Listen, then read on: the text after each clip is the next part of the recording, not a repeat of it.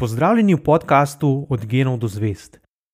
Moje ime je Sašo Dolenc in pripovedoval vam bom zanimive zgodbe iz sveta znanosti. Če bi vas kdo vprašal, katera izmed človekovih iznajdb v 20. stoletju je najpomembnejša, verjetno ne bi prav dolgo razmišljali. Večina bi najprej pomislila na elektroniko, ki je omogočila razmah radia, televizije in računalnikov, ter nam omogočila vstop v informacijsko dobo. Kdo drug bi izpostavil iznajdbo antibiotikov in drugih metod zdravljenja, ki so povzročile velikanski napredek v medicini? Malo verjetno pa je, da bi kdorkoli pomislil na kemični proces, ki ga je po dolgotrajnem trudu pred dobrimi stoletji iznašel danes že skoraj da pozabljen nemški kemik judovskega rodu. Eden izmed ključnih problemov človeštva konec 19. stoletja je bilo spoznanje, da naravne oblike gnojenja polj niso dovolj učinkovite, da bi lahko prehranjevale vedno večje število ljudi. Ko se zemlja na polju izčrpa, je treba namreč poskrbeti, da se ponovno napoji snovmi, ki jih rastline potrebujejo za svojo rast. Žal naravnih virov gnojil, ki bi zemlji hitro povrnile rodovitnost, ni veliko. Gnojila so v 19. stoletju zato postala tako dragocena, da so z njimi trgovali kot z dragocenimi strateškimi surovinami. Gvano, nakopičene iztrebke netopirjev, morskih ptičev in tjulnev so v Evropo tovorili celo z oddaljenih otokov Tihega oceana. Prav takrat so znanstveniki tudi natančno raziskali in pojasnili kemično ozadje rodovitnosti Zemlje. Za pomemben element, ki rastlinam v prsti hitro poide, a ga nujno potrebujejo za svojo rast, se je izkazal dušik. Tega je v naravi sicer zelo veliko, saj kar 78 odstotkov zraka sestavlja dušik, a je žal v obliki, ki je živim bitjem nedostopna. V zraku sta po dva atoma dušika medsebojno vezana z močno trojno vezjo, ki jo je izjemno težko razdreti, saj se razpusti zgolj pri zelo visokih temperaturah. V naravi pride do takšnih ekstremnih razmer le ob udaru strele in v podobnih ekstremnih okoliščinah. Rastline lahko dušik asimilirajo le v obliki dušikovih in amonijakovih ionov, ko atomi dušika niso več vezani v pare, ampak z drugimi elementi, kot sta vodik in kisik. Vezava dušika je zato pomemben naravni proces, v katerem nekateri mikroorganizmi pretvarjajo atmosferski dušik v anorganske dušikove spojine.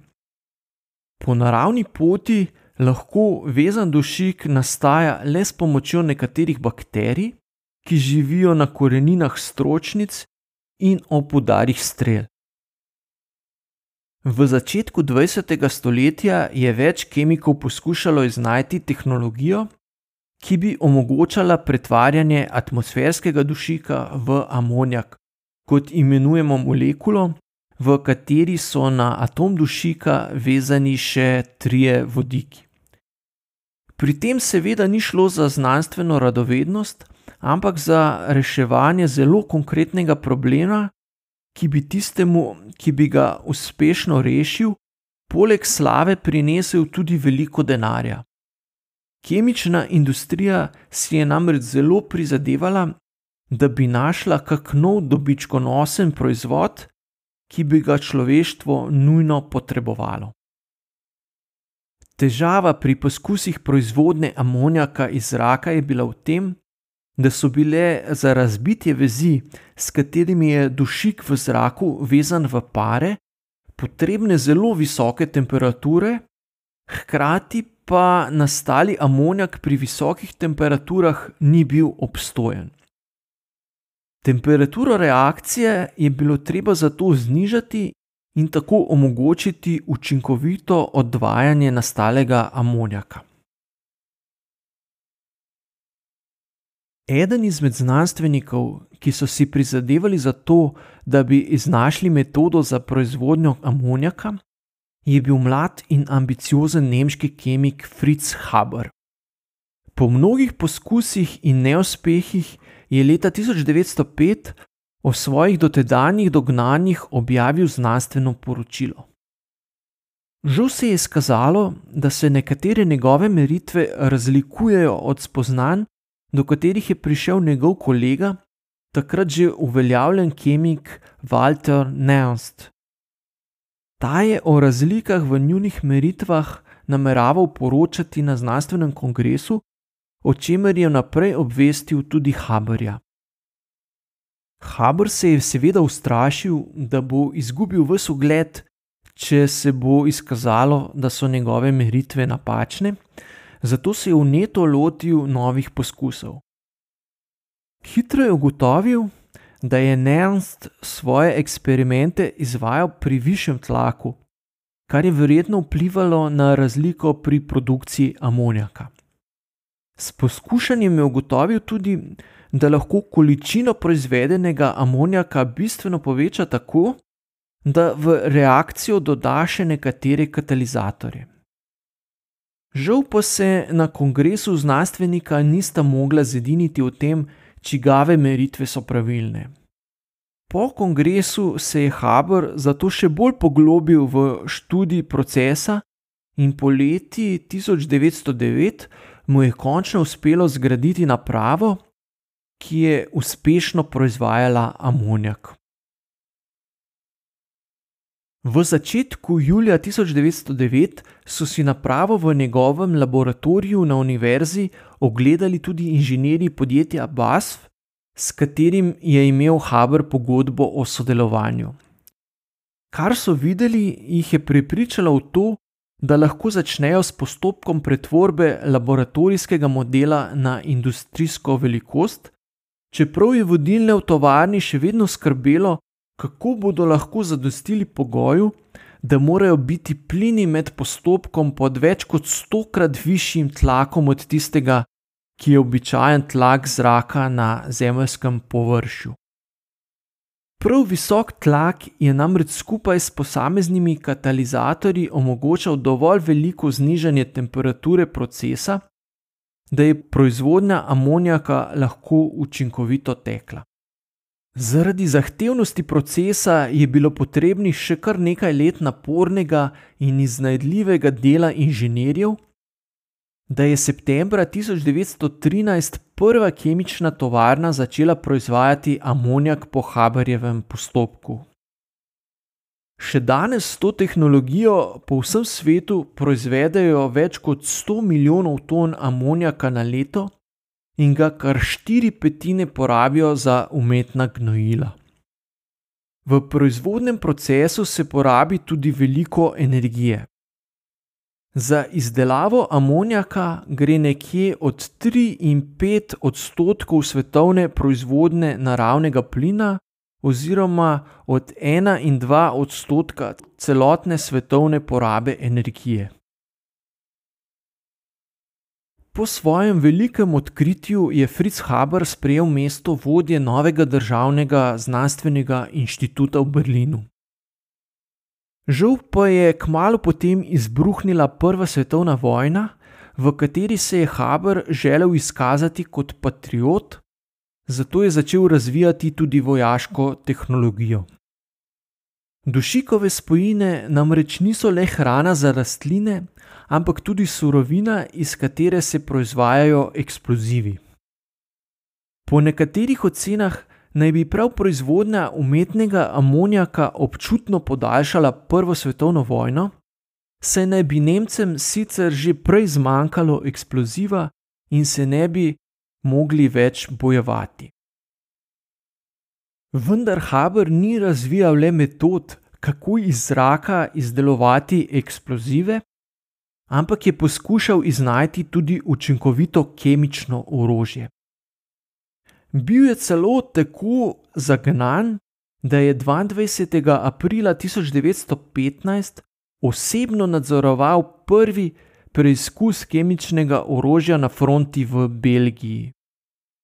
Več tisoč jeklenk s smrtonosnim plinom so takrat postavili po frontni črti in jih v koordinirani akciji odprli, tako da je nastal velik rumeno-siv oblak, ki ga je veter počasi nesel na drugo stran fronte, kjer je sejal smrt in povzročil paniko. Haberju se je zdelo, da je bil test novega orožja izjemno uspešen, zato je takoj po vrnitvi v Berlin na svojem domu organiziral zabavo. A njegova žena Klara Imervar, ki je bila tudi znanstvenica, moževega navdušenja nad kemičnim bojevanjem nikakor ni mogla sprijeti. Bila je prva ženska, ki je v Nemčiji doktorirala iz kemije, za kar se je morala še posebej truditi. Ker kot ženska ni mogla obiskovati rednega študija, se je morala z vsakim profesorjem posebej dogovoriti, da je lahko kot njegova gostja poslušala predavanja in pisala izpite. Vseeno je doktorirala z odliko in se je nadejala, da bo lahko nadaljevala delo kot raziskovalka. Vendar takratna patriarhalna družba na poročene ženske z otroki, ki bi delovale kot znanstvenice, še ni bila pripravljena kjer je tudi mož pri prizadevanjih, da bi delovala kot raziskovalka, ni podpiral, je postajala vse bolj depresivna. Preizkus kemičnega orožja na fronti jo je še dodatno prizadel, zato je po noči, ko so gosti odšli, odšla na vrt in se ustrelila z moževo pištolo. Še živo jo je našel sin, vendar je kmalo zatem umrla. Žal pa niti ženin samomor Haberja ni omajal v namerah, da še naprej razvija nova orožja. Že kmalo po ženini smrti je odšel na rusko fronto, kjer so ponovno preizkusili kemično orožje. Naslednja leta je na svojem inštitutu razvil še nekaj zelo strupenih plinov. Med njimi tudi ciklon A, ki naj bi ga uporabljali kot pesticid, a so ga nacisti kasneje preoblikovali v strašljivi ciklon B, s katerim so pobijali zapornike v plinskih celicah uničevalnih taborišč med holokaustom.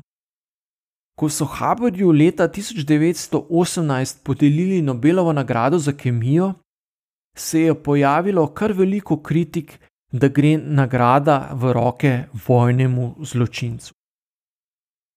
A Haber je bil takrat še vedno zaveden nemški patriot. V obdobju po prvi svetovni vojni se je podal v še eno nenavadno raziskovalno postolovščino. Poskušal je ugotoviti, kako bi lahko kar sam poplačal ogromno očkodnino, ki jo je morala Nemčija izplačati kot poraženka v vojni. Ker je v morski vodi raztopljenega kar nekaj zlata, je poskušal najti način, kako bi zlato pridobival kar iz morja. Kljub dolgoletnemu trudu pa mu ni uspelo odkriti metode, ki bi na ta način proizvajala dobiček.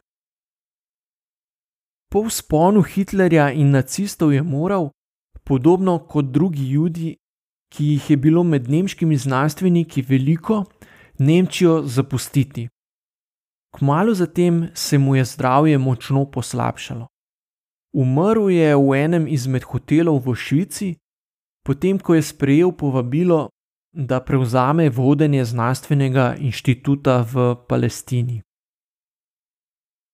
Danes postopek pridobivanja amonijaka iz zraka poznamo pod imenom Haber-Boschov proces, saj je izvorno Haberjevo idejo za industrijsko uporabo predelal in izpopolnil inženir v tovarni Bas Karl Bosch, za kar je leta 1931 prav tako prejel Nobelovo nagrado.